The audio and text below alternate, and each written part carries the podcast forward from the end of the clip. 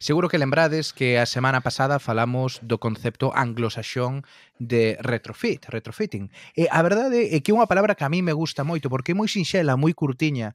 E cando intentamos buscar unha tradución a, ao galego, era moito máis longo. Cal foi a mellor que, que atopamos? Era algo así como rehabilitación enerxética, non, Miguel?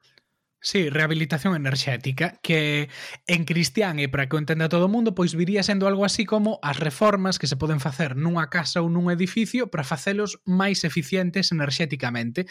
É dicir, evitar pois que, que escape calor eh, ou que precises consumir menos gas para quentar a calefacción ou eh, manter os electrodomésticos operativos, por exemplo, no que ten a ver, a, a ver co consumo de electricidade. Claro, e isto implica non só que pois podes aforrar cartos na túa a factura enerxética, senón que a maiores emites moitísimo menos eh, CO2, que por iso pois estes programas de rehabilitación enerxética están moi aliñados co, cos programas de descarbonización, e hai unha cuestión de saúde tamén, vivir en vivendas frías e húmidas, e eh, sobre todo a xente máis humilde, que é quen adoita vivir neste tipo eh, de espazos, pois eh, bueno, arrastra máis problemas de saúde por eh, por isto. Entón, e tamén económica para o peto do, dos inquilinos ou eh, dos residentes, porque quen precise pois poñer menos horas a calefacción para quentar a casa ou aire acondicionado para refriala, pois tamén acabará tendo unha factura eh, do gas ou da luz eh, claro. pois máis baixa. Totalmente, totalmente. Pois claro, noté con gotas a semana pasada, como recordaredes, eh, entrevistamos eh, a, a un representante da New Economics Foundation, un think tank británico que está traballando nunha campaña pois para promover que o Reino Unido rehabilite enerxéticamente 19 millóns de vivendas en 10 anos, pois, pois para cumprir os obxectivos de cero emisións netas para, para o ano 2000, eh, 2030 e houve unha cousa moi interesante cando estábamos entrevistando a esta persoa que se chama Aiden Dickernam sobre como foi capaz el, sin que nos o pedíramos, de conectar dous dos nosos podcasts, o de rehabilitación enerxética e o de Community World Building que fixemos hai eh, tres semanas.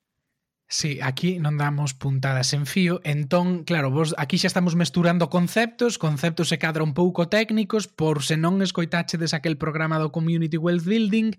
Así, resumidamente, pois eh, tratábase dun modelo de desenvolvemento polo cal, aproveitando todo o poder de compra que teñen as administracións, pois se intentaba promover eh, o desenvolvemento das empresas locais, claro. é dicir, que se unha administración ten que contratar un servizo, pois o contrate cunha empresa local e non cunha grande multinacional que ao final pois iría a engrosar os beneficios eh, das súas sedes en grandes eh, capitais financeiras ou mesmo en paraísos fiscais. E non só apoiar, e non só apoiarse en empresas locais, senón tamén intentar promover eh, xeitos pois máis democráticos de repartir a riqueza e de tomar as decisións nas empresas, é dicir, eh, intentar promover o formas como o cooperativismo, é dicir, empresas onde os traballadores pois teñen máis poder de, de decisión conexión que, que nas empresas habituais. Entón, claro, Cal é o link? Que link fixo Aiden Dickerdem sobre eh, a oportunidade que, as oportunidades que crearía a rehabilitación enerxética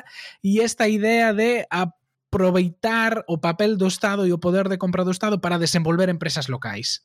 Claro, pois aí como a prioridade do que propón a New Economics Foundation é intentar desenvolver un mercado eh, para facer esta rehabilitación enerxética con empresas, xa sexan cooperativas ou non, que saiban pois como poñer illamento, como cambiar as caldeiras, como eh, poñer os dobres ventanais.